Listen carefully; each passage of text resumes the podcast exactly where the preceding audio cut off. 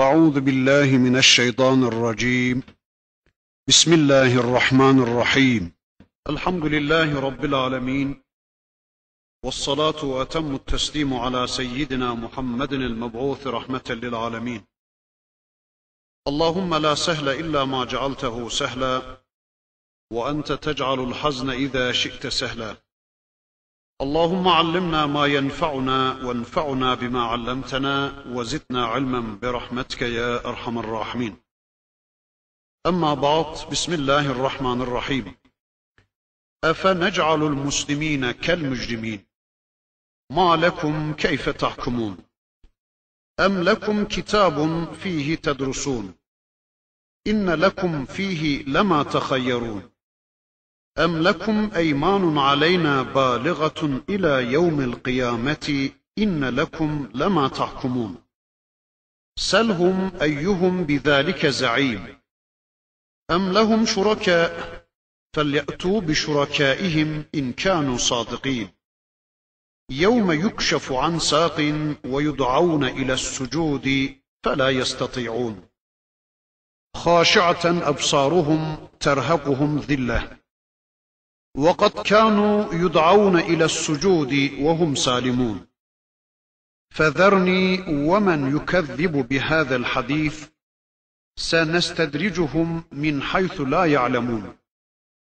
وأملي لهم إن كيدي متين أم تسألهم أجرا فهم من مغرم مثقلون أم عندهم الغيب فهم يكتبون.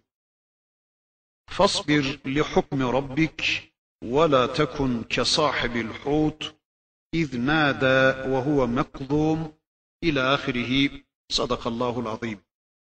Muhterem müminler, Kalem suresinin ayetlerini tanımaya çalışıyorduk. Geçen dersimizde Kalem suresinin 35. ayet-i kerimesine kadar gelmiştik. Bu haftaki dersimizde inşallah Kalem suresinin 35. ayetinden itibaren okuduğum bu bölümü hep beraber tanımaya çalışacağız.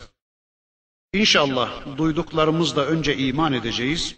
Allah'ın istediği biçimde iman edeceğiz. Ama ameli de gündeme getirmek üzere yani pratize etmek üzere, amele dönüştürmek üzere inşallah ciddi bir gayretin, bir çabanın içine gireceğiz.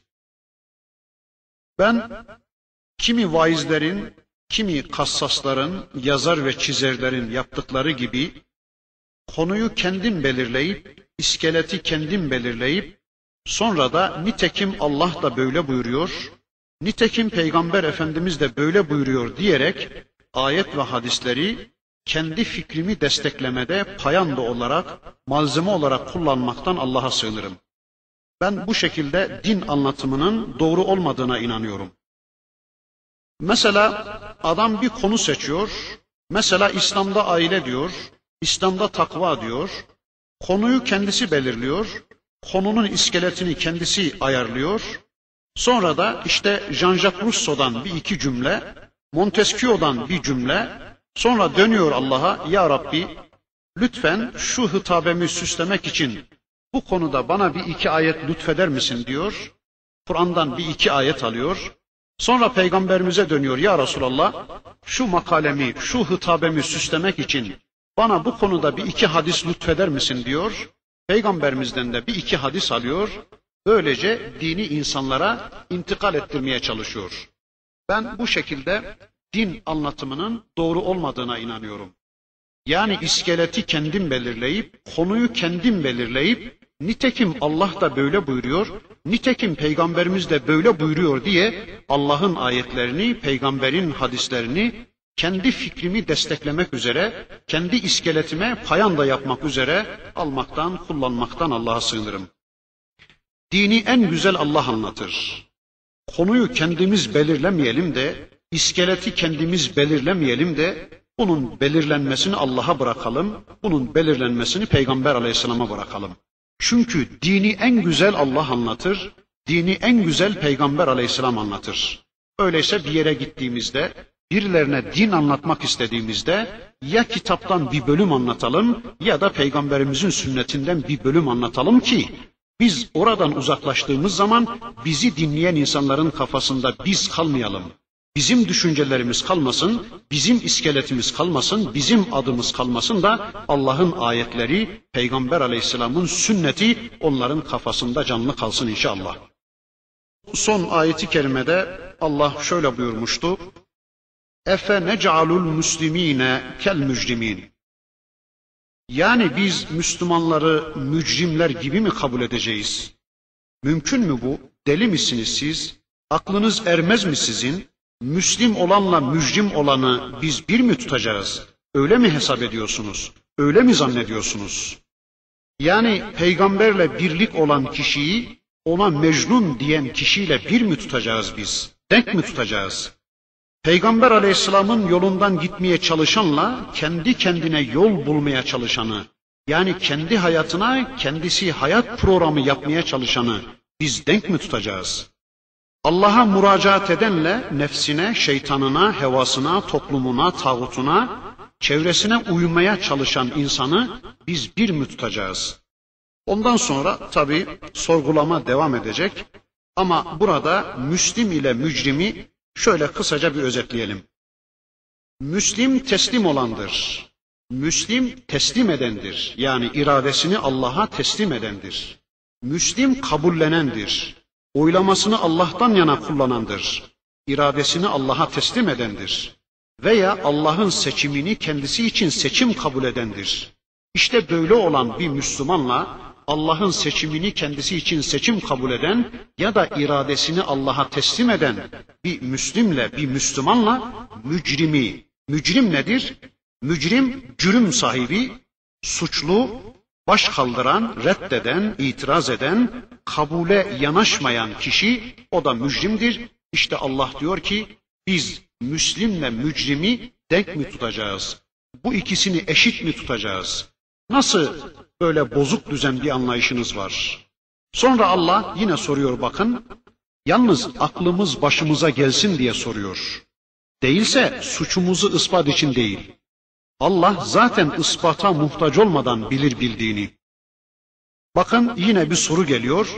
Ma lekum keyfe tahkumun. Söyleyin bakalım ne oluyor size? Neyiniz var sizin? Neden böylesiniz siz? Keyfe tahkumun. Nasıl hükmediyorsunuz? Yani bu hüküm konusunda tavrınız ne böyle? Tağutlar koyuyorsunuz hayatınıza, onlara müracaat ediyorsunuz, şeytana müracaat ediyorsunuz, Allah'a biraz karışma alanı, başkalarına da biraz kalışma alanı belirliyorsunuz hayatınızda. Yani peygamberi hayattan diskalifiye için elinizden gelen her şeyi yapıyorsunuz. Allah'ı, Allah'ın kitabını hayattan diskalifiye edebilmek için elinizden gelen her şeyi yapıyorsunuz. Bu vaziyetiniz ne böyle? Ma lekum keyfe tahkumun.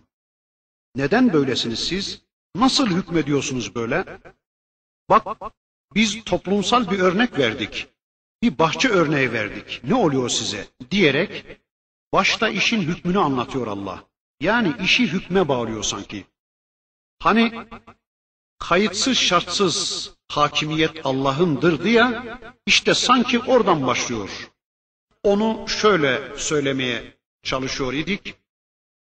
Hani yıllardır yazdık çizdik. Dedik ki hakimiyet kayıtsız şartsız Allah'ındır. Bu cümle yanlıştır. Tersi doğrudur bunun. Yani kayıtsız şartsız hakimiyet Allah'ındır demek doğrudur. Bir daha söyleyeyim bu cümleyi. Hakimiyet kayıtsız şartsız Allah'ındır demek yanlıştır. Bunun tersi doğrudur. Yani kayıtsız şartsız hakimiyet Allah'ındır demek doğrudur. Yani iki türlü hakimiyet vardır. Birisi kayıtlı şartlı hakimiyet, diğeri de kayıtsız şartsız hakimiyet. Hakimiyetin kayıtsız şartsız olanı Allah'a aittir, kayıtlı şartlı olanı da bize aittir. Mesela babanın evlat üzerindeki hakimiyeti, kocanın kadın üzerindeki hakimiyeti, reisin teba üzerindeki hakimiyeti işte böyle kayıtlı şartlı bir hakimiyettir. Yani Allah ve Resulü ile kayıtlıdır. Kitap ve sünnetle kayıtlıdır. Ama kayıtsız ve şartsız hakimiyet, yani hakimiyetin kayıtsız ve şartsız olanı, yani hiçbir kayıt ve şarta bağlı olmayan hakimiyet, o sadece Allah'a aittir. Öyleyse hakimiyet kayıtsız şartsız Allah'ındır demek yanlıştır. Çünkü o zaman başka hiç kimsede hakimiyet yok olacak. Halbuki Allah hakimiyetten bazılarına vermiş. Bakın Allah bizzat Kur'an'da buyurur ki وَاِذَا حَكَمْتُمْ بَيْنَ النَّاسِ اَنْ تَحْكُمُوا بِالْعَدْلِ Yani insanlar arasında hükmettiğiniz zaman, insanlar için hakimiyetinizi gündeme getirdiğiniz zaman adaletle hükmedin buyurur. Öyleyse babanın çocuğuna karşı hakimiyeti, kocanın karısına karşı hakimiyeti, emirin tebasına karşı hakimiyeti vardır ama bu hakimiyet kayıtlı şartlı bir hakimiyettir. O halde kayıtsız şartsız hakimiyet Allah'ındır cümlesi doğrudur. Hakimiyet kayıtsız şartsız Allah'ındır cümlesi yanlıştır. Ve Allah ayeti kerimesinde işte bize bunu anlatıyor. Öyleyse kayıtsız şartsız bir hakimiyetten söz edilecekti ya, burada da işte Allah onu anlatmaya başladı. İşte kayıtsız ve şartsız hakimiyetin sahibi olan varlığın Rab olması gerekecek, hakim olması gerekecek, ilah olması gerekecek, alim olması gerekecek, kadir olması gerekecek, cebbar olması, kahhar olması gerekecek ama Rahman olması da gerekecek. Hadi olması, razzak olması da gerekecek. İşte böyle bir hakimiyet anlatılır burada. Hani var mı böyle hayatınıza karışacak, hayatınıza işte karışmasını istediğiniz bir takım böyle hakimler buluyorsunuz, arıyorsunuz ya, bu özelliklere sahip mi onlar? Halbuki ilahın Rab olması gerekecek, hayata hakimiyet sahibi olanın şu şu şu özelliklere sahip olması gerekecek diye Allah burada bize onu anlatmaya başlıyor. Allah hayata hükmedendir. Dert bu zaten. Problemin odak noktası burasıdır işte. Yani birileri onu hayata karıştırmak istemiyor. Tamam vardır, birdir, yücedir, alidir, kutsaldır ama hayatımıza karışmamalıdır. Mesela kılık kıyafetimize karışmamalıdır. Eğitimimize karışmamalıdır. Hukukumuza karışmamalıdır. Kazanmamıza, harcamamıza karışmamalıdır. Düğünümüze, derneğimize karışmamalıdır. Yememize, içmemize karışmamalıdır. Biz biliriz, Allah bilmez bunları demeye çalışıyorlar ve Allah korusun hakimiyeti Allah'tan alıp onu kendi ellerinde tutmaya çalışıyorlar. İşte bakın Allah diyor ki burada ma lekum keyfe tahkumun. Ne oluyor size? Söyleyin bakalım. Neden böylesiniz siz? Nasıl hükmediyorsunuz? Yani bu hakimiyet konusundaki bu bozuk düzen tavrınız ne? Bu vaziyeti değiştirin. Hayatınıza bir takım tağutlar koyuyorsunuz, bir takım efendiler koyuyorsunuz. Onlara hayatınızın bazı bölümlerine karışma izni veriyorsunuz. Hayatınızın bazı bölümlerini onlara soruyorsunuz. Hayatınızda Allah'a da işte bazen bazen karışma bölümleri bırakıyorsunuz. Bu hakimiyet konusunda bu bozuk düzen tavırlarınızı değiştirin, bu yanlış anlayışlarınızı değiştirin diyor Allah. Sonra bakın yine soruyor Rabbimiz em lekum kitabun fihi tedrusun. Yoksa sizin kitabınız var da ondan mı tedris ediyorsunuz? Em lekum kitabun fihi tedrusun. Yoksa sizin kitabınız var da ondan mı okuyorsunuz? Yani onun eğitimini mi yapıyorsunuz? Yani siz başka kaynaklardan kitap mı edindiniz? Size birileri kitap mı gönderdi? Benim kitabıma rağmen kitap mı bulabildiniz? Veya sizlere ayrı kitap verdim, Muhammed'e ayrı bir kitap verdim de ikisini mi mukayese ediyorsunuz? Em lekum kitabun fihi tedrusun. İleride müddessir de diyecek Allah, bel yuridu kullum ri'in minhum en yu'te suhufen müneşşerah diyecek. Yok yok, onların esas derdi herkesin kendine ait kitabı olsun. Başka dertleri yok adamların. Yani herkesin kendine ait kitapları olsun. Allah korusun, bugünün insanları da öyle. Kur'an'a sarılıyorlar, Kur'an'dan yana oluyorlar, Kur'ancı oluyorlar. Hatta peygamberi bile diskalifiye edercesine Kur'an'a sahip çıkıyorlar. Kitapsız olmaz diyorlar. Kitapsız Müslümanlık olmaz diyorlar. Kitapta birleşmek zorundayız. Kitap temeldir diyorlar ama hangi kitapta birleşeceğiz? O adamın kitabında tabii. Evet Kur'an haktır. Mesela adam diyor ki bu hadis Kur'an'a uymuyor. Binaenaleyh kitaba uymadığı için bu hadisi reddetmek zorundayız diyor adam. Evet Kur'an haktır. Kur'an'a aykırı hiçbir hadisi kabul etmeyelim.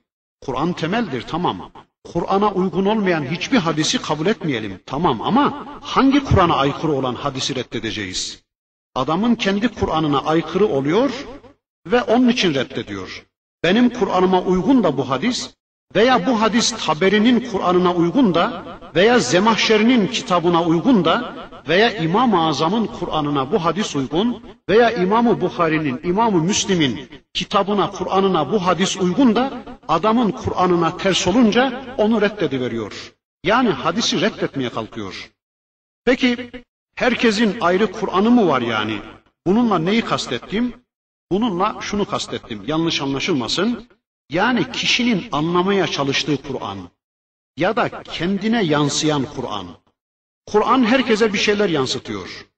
Adam Kur'an'dan neler anladıysa, ne kadarına muttali olduysa bunu Kur'an'ın tümü kabul ediyor, Kur'an'ın tamamı kabul ediyor veya kendine yansıyanı Kur'an zannediyor. Kur'an'ın tümü zannediyor, tümü kabul ediyor ve bu hadis Kur'an'a uymuyor diye hadisi reddetmeye kalkıyor. Mesela ben bugüne kadar Kur'an'dan 30-40 sure tanıyabilmişsem bunu Kur'an'ın tümü kabul edip hadisi onunla yargılayıp reddetmeye kalkarsam bu insafsızlık olur. Çünkü Kur'an'dan bana yansıyan ancak bu kadardır. Bir de bu 30-40 surede anlatılanların belki de yüzde beşini, yüzde onunu ancak kavrayabilmişken nasıl olur da bununla hadisi yargılayıp bu hadis Kur'an'a uymuyor diye onu reddetme cüretinde bulunabilirim. Bu insafsızlıktır. Mesela din konusunu örneklersek zannederim konu biraz daha iyi anlaşılır. Benim bir dinim var, adına İslam diyorum. Bunun da bir dini var, o da adına İslam diyor. Onun da bir dini var, herkesin bir dini var ve herkes kendi dininin adına İslam diyor. Ama bir de Allah ve Resulünün ortaya koyduğu din var. Gerçek din, hak din odur. Bizim dinimiz o dine ne kadar uygunsa biz o kadar Müslümanız. O dini bizimkine uydurma çabamız boştur. Yani Allah da bunu ister.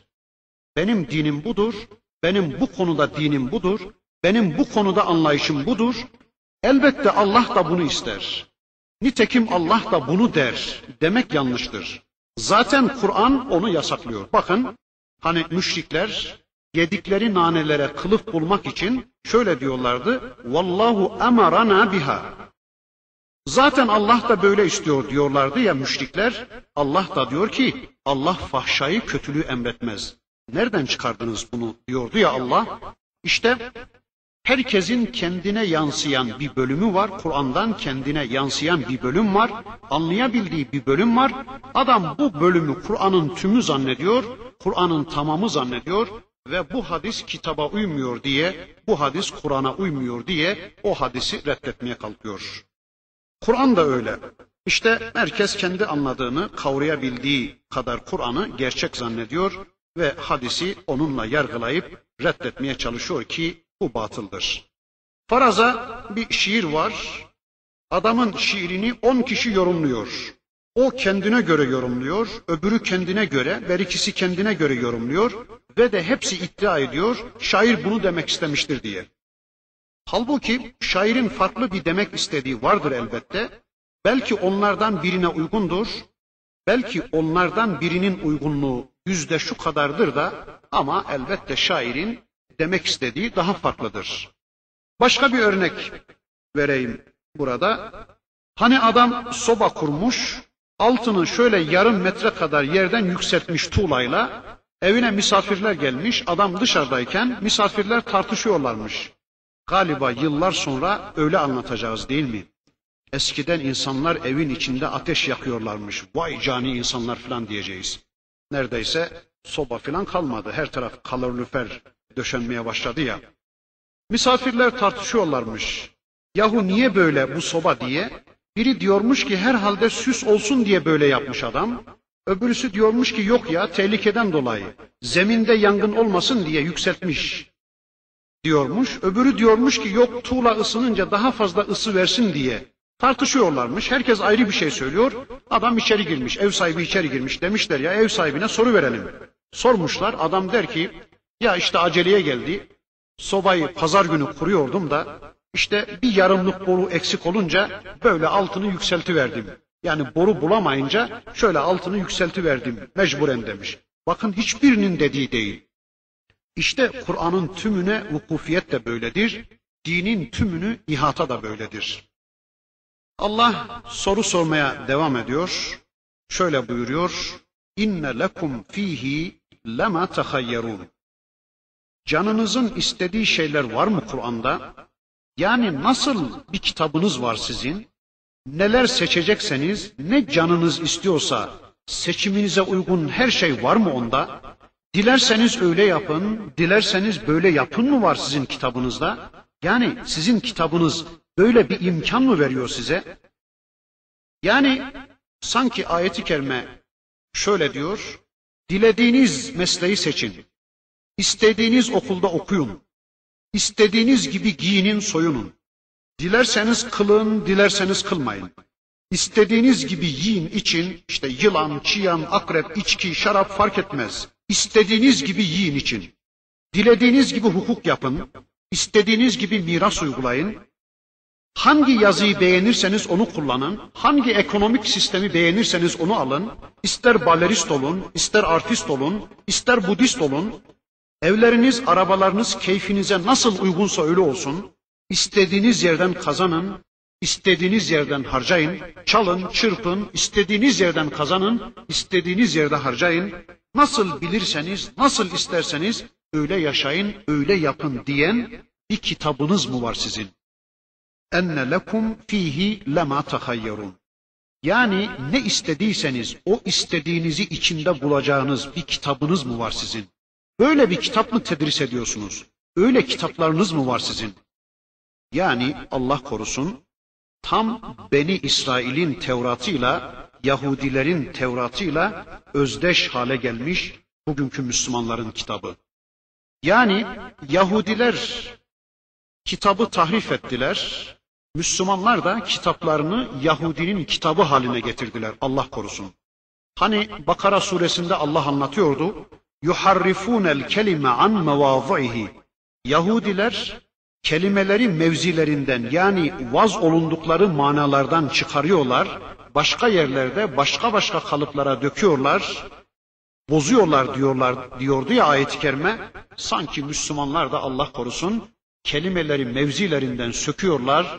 Ayetleri sure bütünlüğünden söküyorlar. Altıyla üstüyle ayetin ilişkisini koparıyorlar.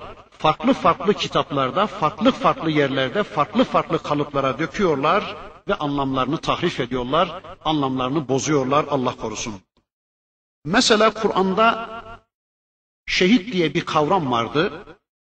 O kavramı mevzisinden söktü, kopardı Müslümanlar. Yani sure bütünlüğünden, Kur'an bütünlüğünden söküp çıkardı Müslümanlar.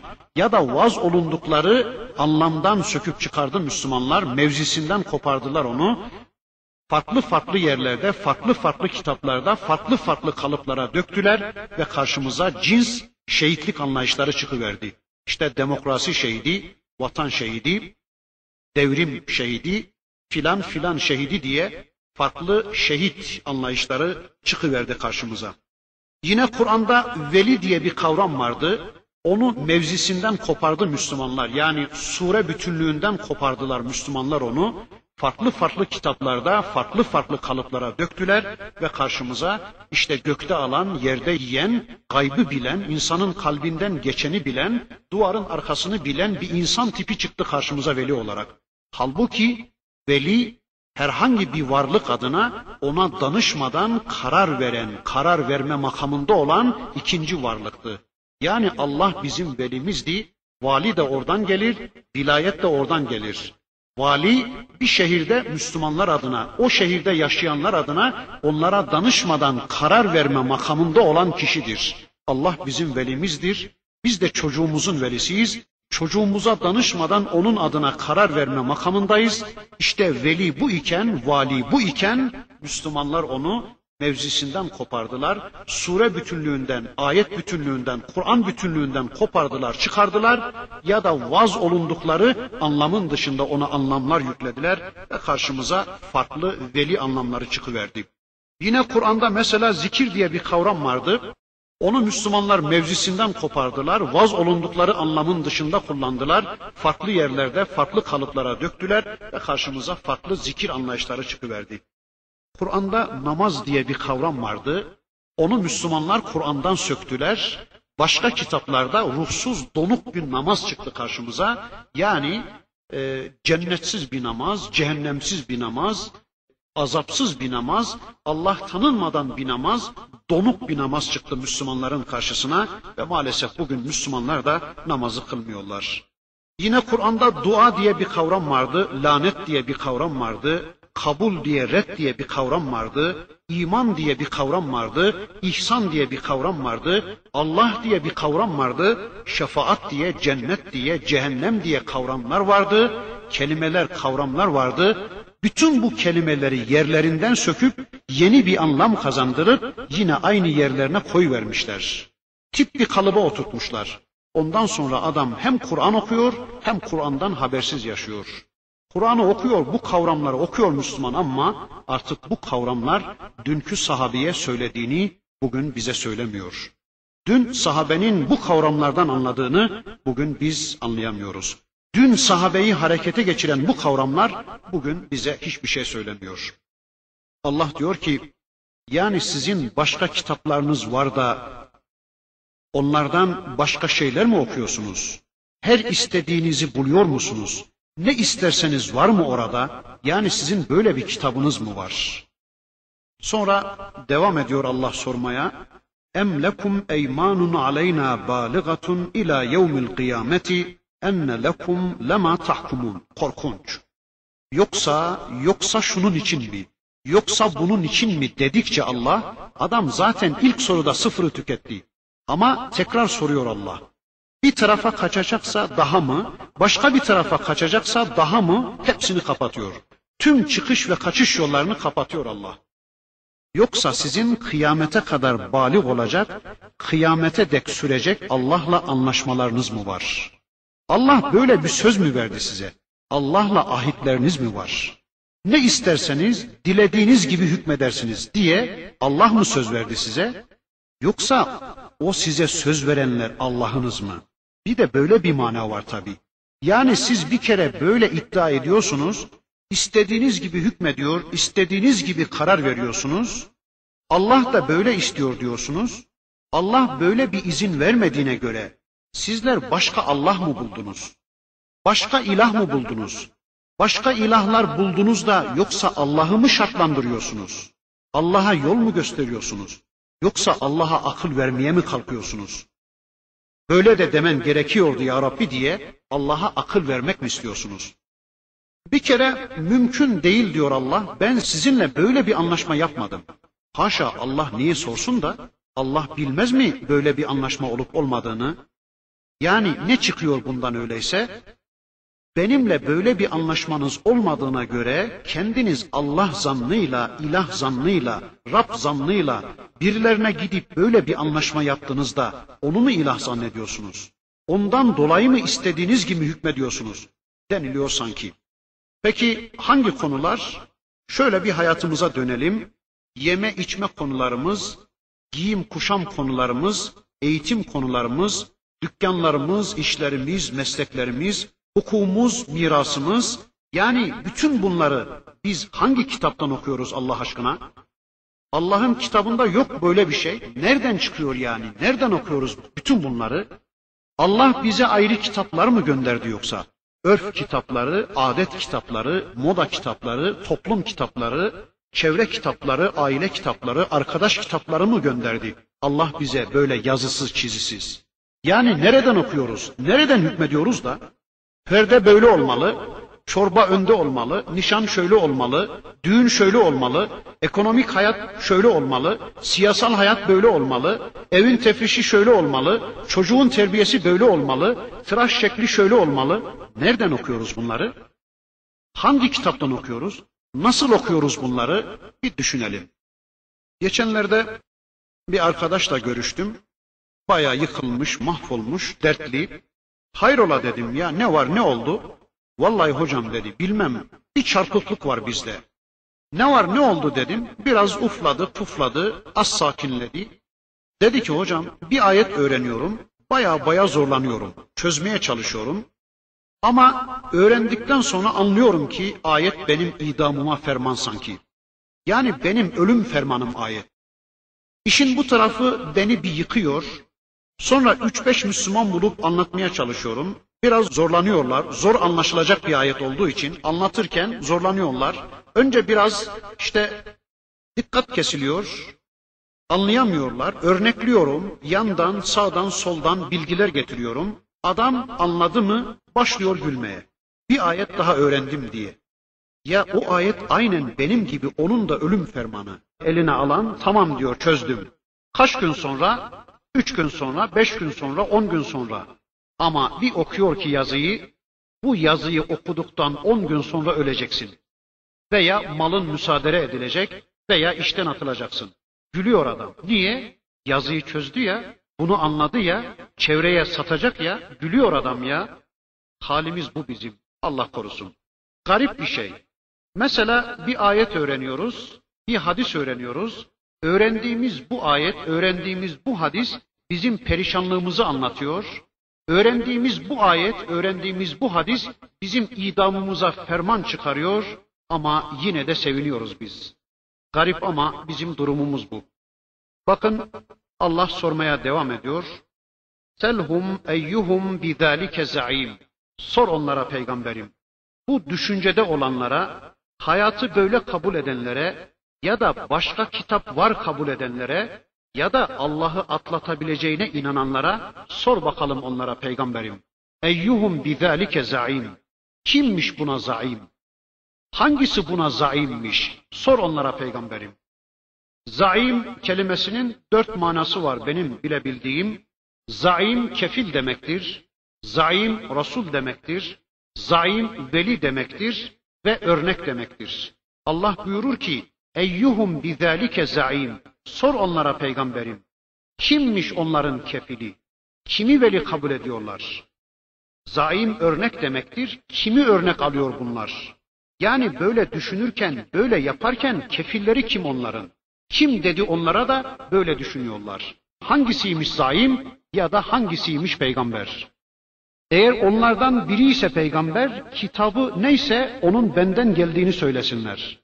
Tam böyle her şeyi baştan çözüyor soru. Her şeyi bitirici bir soru. Ama Allah sözü bitirmek için, Allah onları mat etmek için, onları susturmak için sormaz. Allah insanların aklını başına getirmek için, onları doğruya sevk etmek için sorduğundan sormaya, sorgulamaya devam eder. Merhametinden dolayı. Bakın bir soru daha geliyor. Em lehum şuraka. Sor onlara peygamberim. Kendilerinin Allah'a ortakları, şürekaları, putları mı var? Kendilerine tabi oldukları mabutları var da onlardan aldıkları izinle mi hareket ediyorlar? Sor onlara peygamberim. Yani müminler Allah'tan yana olacaklar, iradelerini Allah'a teslim edecekler, Allah'ın hayatlarına koyduğu emirleri icra edecekler, yasaklara riayet edecekler, berikilerse putlarının istediği gibi davranacaklar, keyifleri ne isterse onu yapacaklar, sonra da Allah ikisini denk tutacak.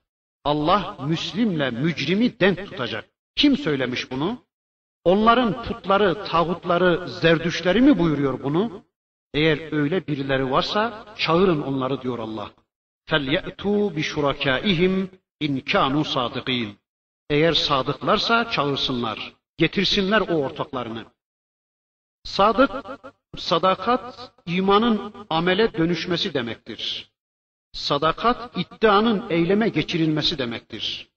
Yani bir kişi bir konuda iman sahibidir de onu amele dönüştürdüğü zaman sadıktır. Sadakat sahibidir. Değilse kaziptir o.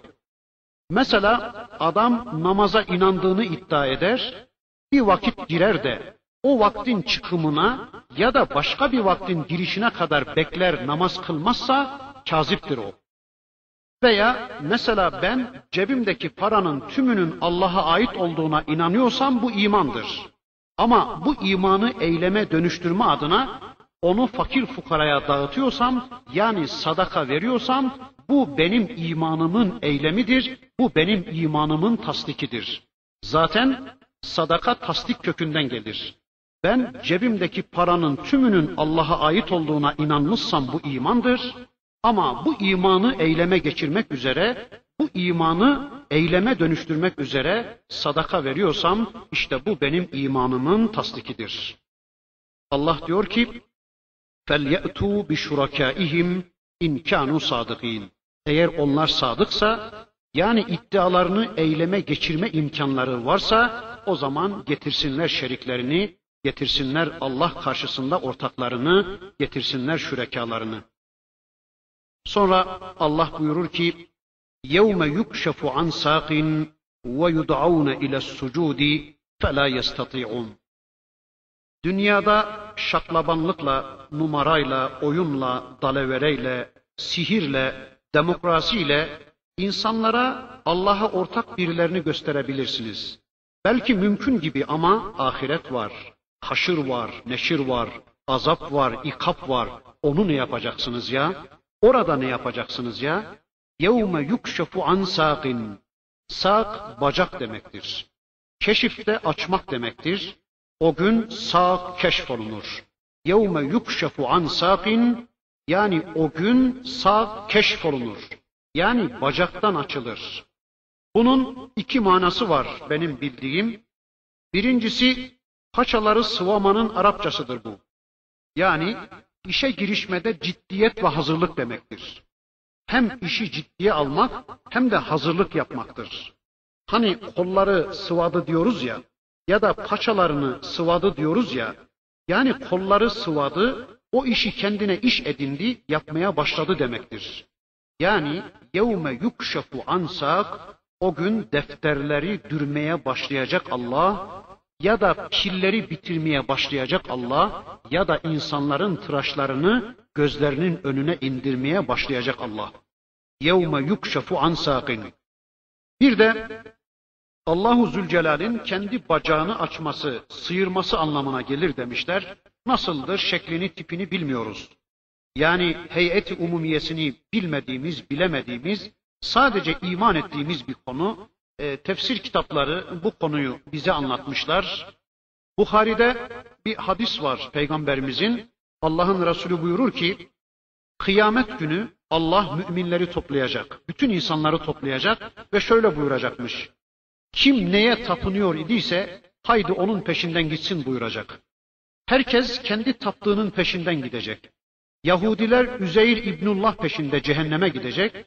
Hristiyanlar Mesih İbnullah peşinde cehenneme, Firavuncular Firavun peşinde cehenneme, Nemrutçular Nemrud'un peşinde cehenneme, Ebu Cehil'in peşinde gidenler onun peşinde cehenneme, Leninciler, Stalinciler, Maocular, laikler, demokratikler kim neye hizmet etmişse, kim neye inanmışsa, kim kimi Rab bilmiş, Rab kabul etmişse, kim boynundaki ipin ucunu kime vermişse, kim kimin seçimini kendisi için seçim kabul etmişse, kim iradesini kime teslim etmişse, herkes kime kulluk yapmışsa, kimi Rab bilmişse, Rabları istikametinde, Rabları peşinde cehenneme doğru gidecek ve oracıkta sadece müminler kalacak. Bir de iman gösterisinde bulunan münafıklar kalacakmış. Allah buyuracak diyor Peygamberimiz, siz niye Rabbinizin peşinde gitmediniz? E diyeceklermiş ki, biz Rabbimizi bulamadık ki, kimin peşinde gidelim? Rabbimizi bilemedik ki. O zaman Allah buyuracakmış, ben sizin Rabbinizim. E diyeceklermiş ki ya Rabbi bize bir işaret gösterseydin. Yani senin bizim Rabbimiz olduğuna dair bize bir alamet gösterseydin, işte Allah da böyle bir açma yapacakmış. Bu bir açmadır, bilemiyorum. Bacağından bir açma, bir keşiftir. Mahiyetini anlayamadım. Kafamda tam hadisi canlandıramadım. Allah'ın Resulü öyle anlatıyor. Yevme yukşefu an saqin o gün sağ keşfolunur ama burada anlatılan herhalde kıyamettir.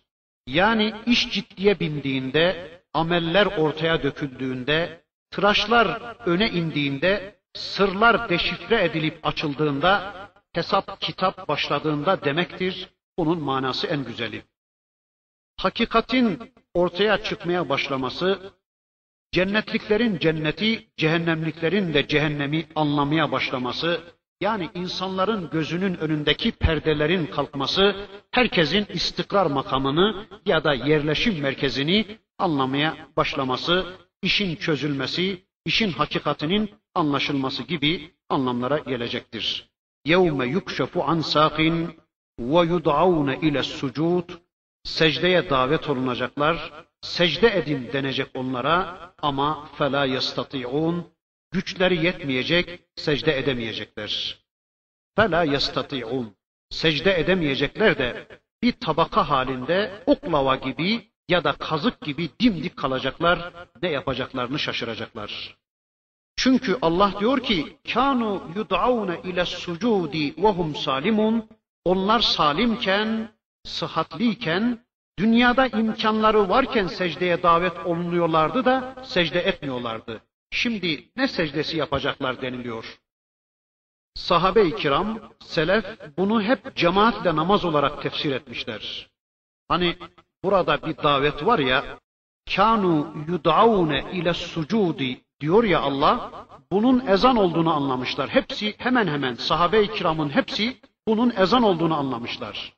Yani bireysel, ferdi bir namaz yok çıkıyor sahabenin anlayışında. Ancak mazeretle oluyor. Mesela adam çok hastadır, çok soğuktur, çok yağmurludur, çok tehlike vardır. O zaman mescide, cemaate gitmeme mazereti doğuyor. Aksi takdirde savaşta bile cemaatle kılınıyor namaz. Yani ferdi bir namaz yok sahabenin anlayışında. Selefin anlayışında böyle ferdi bir namaz yok. E bizimki ne olacak onu bilmiyorum. Ezansız namaz kılıyoruz, mescitsiz secde ediyoruz. Yani ezanımız yok. Eğer o ezanlar bizimse, bizi çağırıyorsa niye gitmiyoruz oraya bilemiyorum, anlayamıyorum.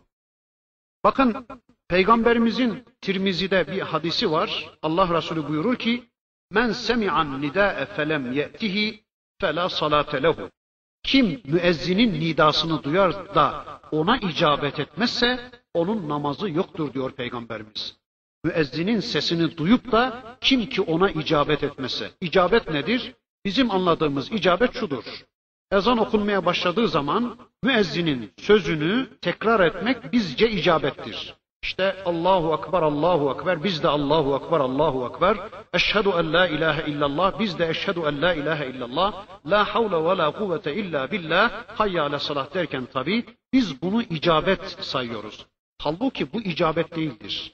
İcabet hemen kalkıp hayya ale salah diyor ya, haydın namaza, haydın felaha diyor ya, hemen yerimizden fırlayıp bu bizi çağırıyor, müezzinin dediği doğrudur, ben onun dediğini tasdik ediyorum ve onun çağrısına icabet ediyorum diye kalkıp mescide koştuğumuz zaman işte bu icabettir. Allah'ın Resulü hadislerinde bunu anlatıyor. Demişler ki sahabe-i kiram yud'avneden kasıt ezandır denmiş. Yani onlar daha evvel ezanla sücuda yani mescide davet ediliyorlardı da gitmiyorlardı. Kanu yud'avne ile sucudi ve hum salimun.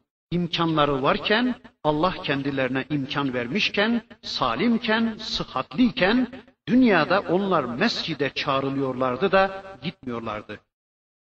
Mazeretimiz ne? Bir mazeretimiz var. Bu mazeret değil diye söyleyeceğim bunu. Belki şeytandan mı filan bilmem de şöyle bir mazeretimiz var. Caminin adı mescittir, secdegah. Yani Allah'a kulluğun ya da hayat programının icra edildiği yer. Oradan mesaj alınacak ve uygulanacaktır. Mescit hayatın mesajının alındığı yerdir. Mescit kitap ve sünnetle tanışma yeridir. Ya da hayatın programlanma yeridir.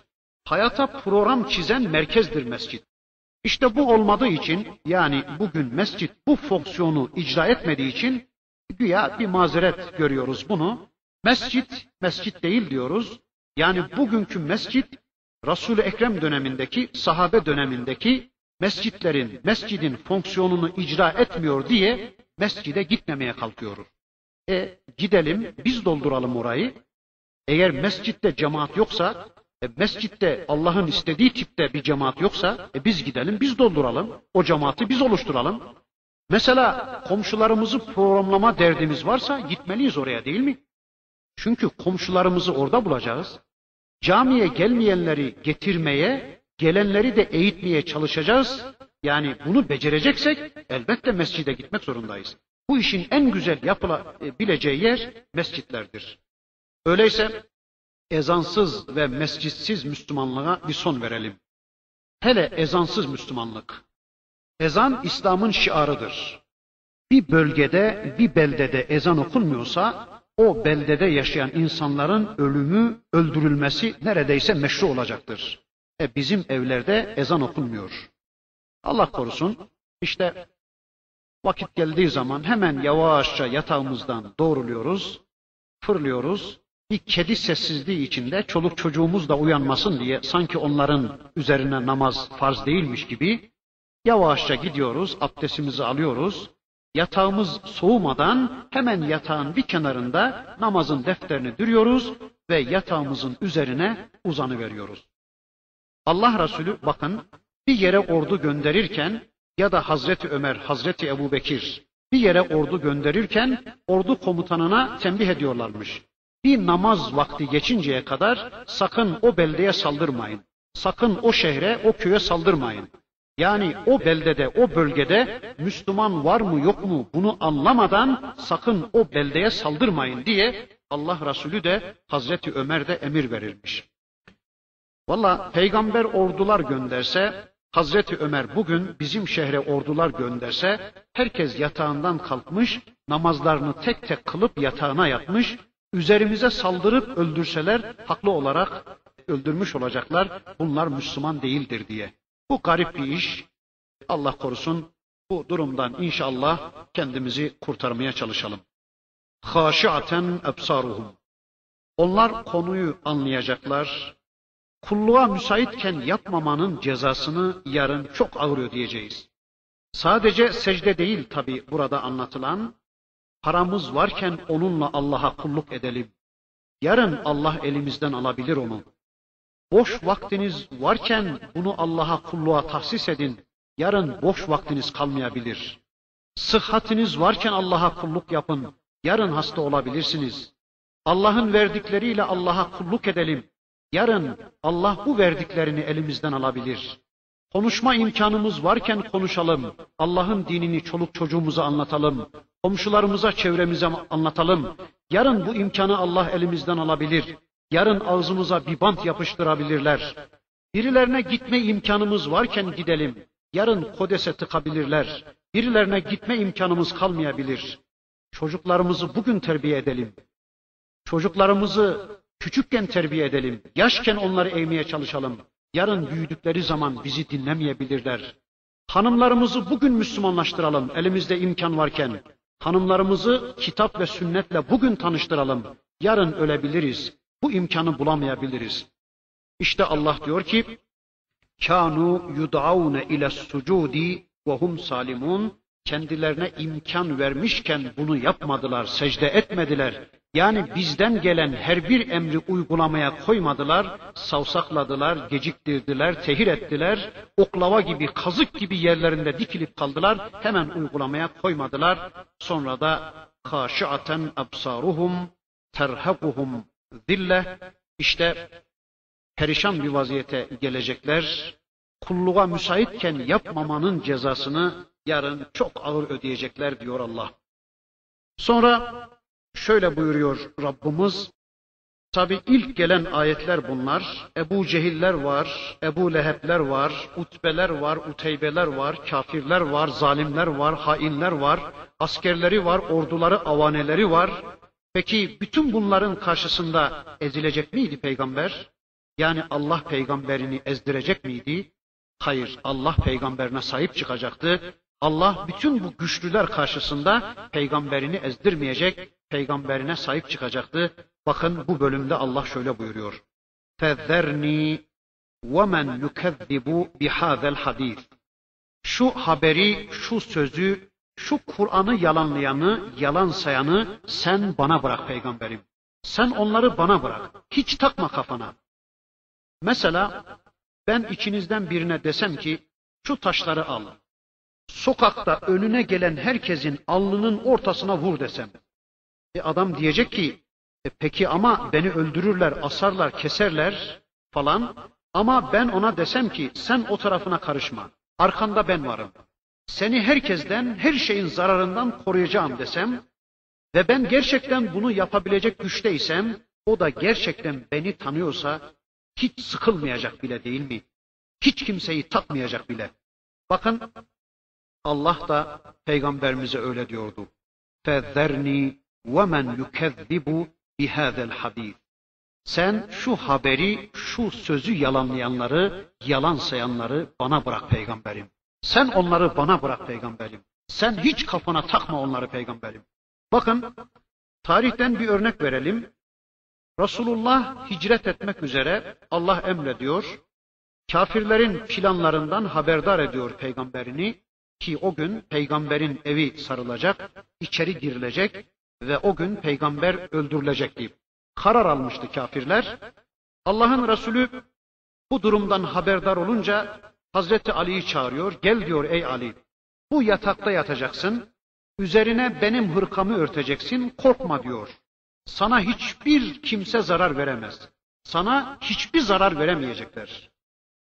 Bu söz üzerine Hazreti Ali onun yatağına giriyor ve hiç mi hiç korkmadan orada yatı veriyor. Halbuki mızrakların hedefi olan noktada yatıyordu. Kılıçların döndüğü noktada. Adamların kafaları bozulu verdi mi, saldırı verdiler mi, evi belki üzerine geçirecekler. Yakıp yıkacaklardı belki. Yani kaldırıp da bu Muhammed mi, bu Hazreti Ali mi, hiç ona bile bakma gereği duymadan belki evi üstüne yıkacaklardı. Belki kılıçlarıyla, mızraklarıyla yatağın üstüne çullanacaklardı. O evi üzerine yıkacaklardı. Hiç derdi yoktu Hazreti Ali'nin. Gayet rahat yatıyor Hazreti Ali. Horlaya horlaya uyuyor. Peygamberin yatağında, peygamberin yatağında yatmanın, peygamberle birlikte olmanın sevincini, neşesini, şerefini içine sindire sindire horul horul uyuyor. Bir beşerin ulaşabileceği en hoş bir noktaya ulaşıyor. Yani öyle itimat ediyor ki peygamberimizin dediğine, öyle güveniyor ki peygamberimizin dediğine, işte bir beşerin ulaşabileceği en hoş bir durum. Bir de Hazreti Ebu Bekir'i Sevir'de görüyoruz. Hemen hemen aynı iman, aynı teslimiyet, aynı fedakarlık duygusuyla Allah diyor ki فَذَرْنِي وَمَنْ يُكَذِّبُ بِهَذَا الْحَدِيثِ Bu kalıpta üç ayet var Kur'an'da. Üçü de ilk gelen ayetler arasında. Birisi Müddessir'de, birisi Müzdemmil'de, işte birisi de bu surede yani Kalem suresinde. Yani Allah diyor ki peygamberim sen onları bana bırak. Endişe etme peygamberim. Sen onları kafana takma. Sen devam et vazifene. Senestedricuhum min haythu la ya'lemun. Onları bilmeyecekleri yerden, anlamayacakları biçimde yavaş yavaş azaba, ikaba, cezaya yaklaştırırız biz. Anlamıyorlar. Bela gönderir Allah anlamıyorlar. Azap gönderir Allah anlamıyorlar. Tehdit eder anlamıyorlar.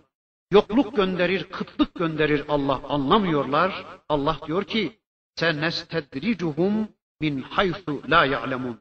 Bilemeyecekleri yerden, anlayamayacakları biçimde yavaş yavaş biz onları azaba, ikaba doğru yaklaştırırız.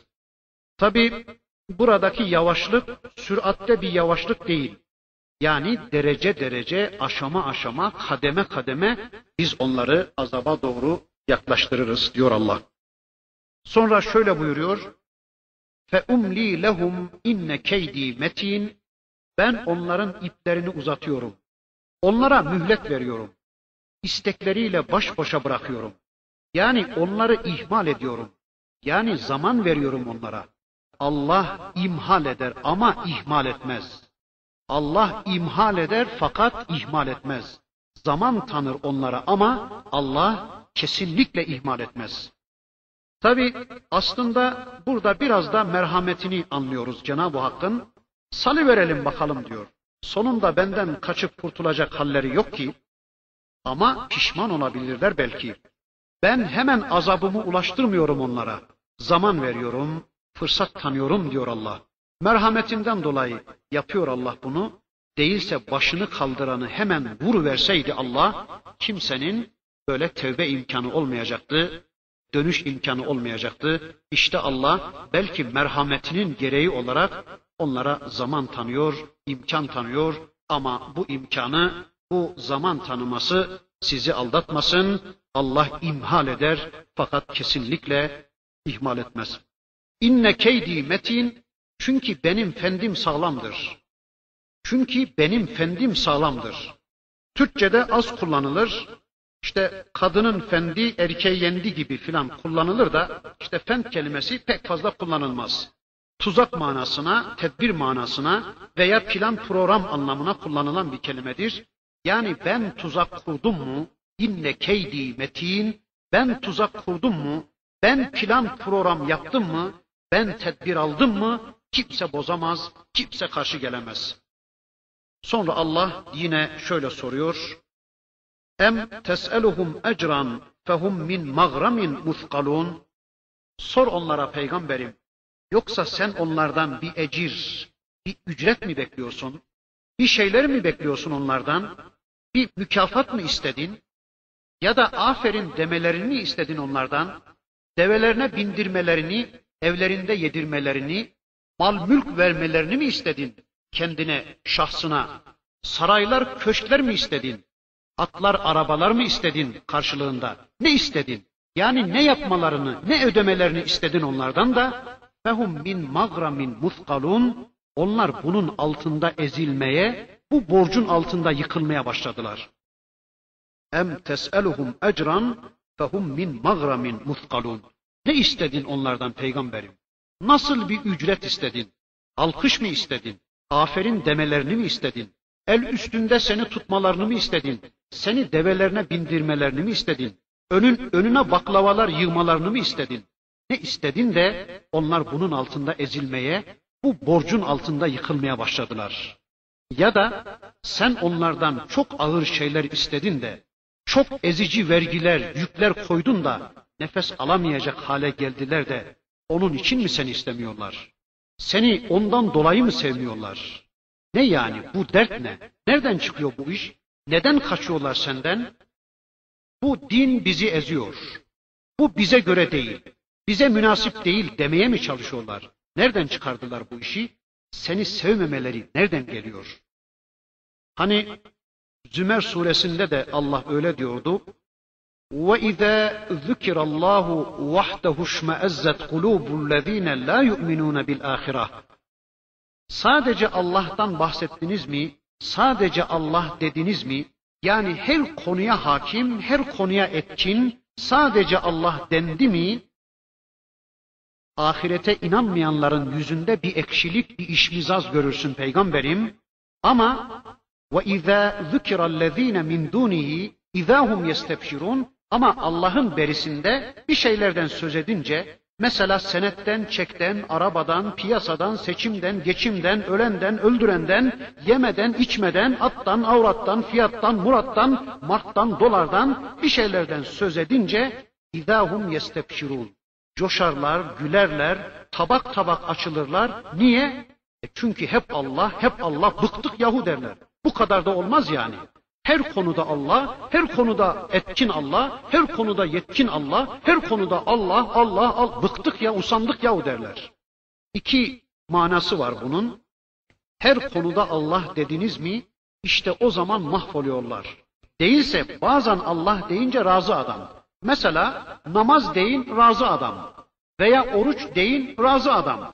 Zekattan bahsedin, malınızın tümünü dağıtın isterseniz onu hiç ilgilendirmez. Razı. Ama her konuda Allah dediniz mi işte o zaman adam patlıyor, çatlıyor, mahvoluyor, kahroluyor. Yemede Allah, içmede hakim Allah, ikramda söz sahibi Allah, hukukta söz sahibi Allah, dükkanda söz sahibi sadece Allah.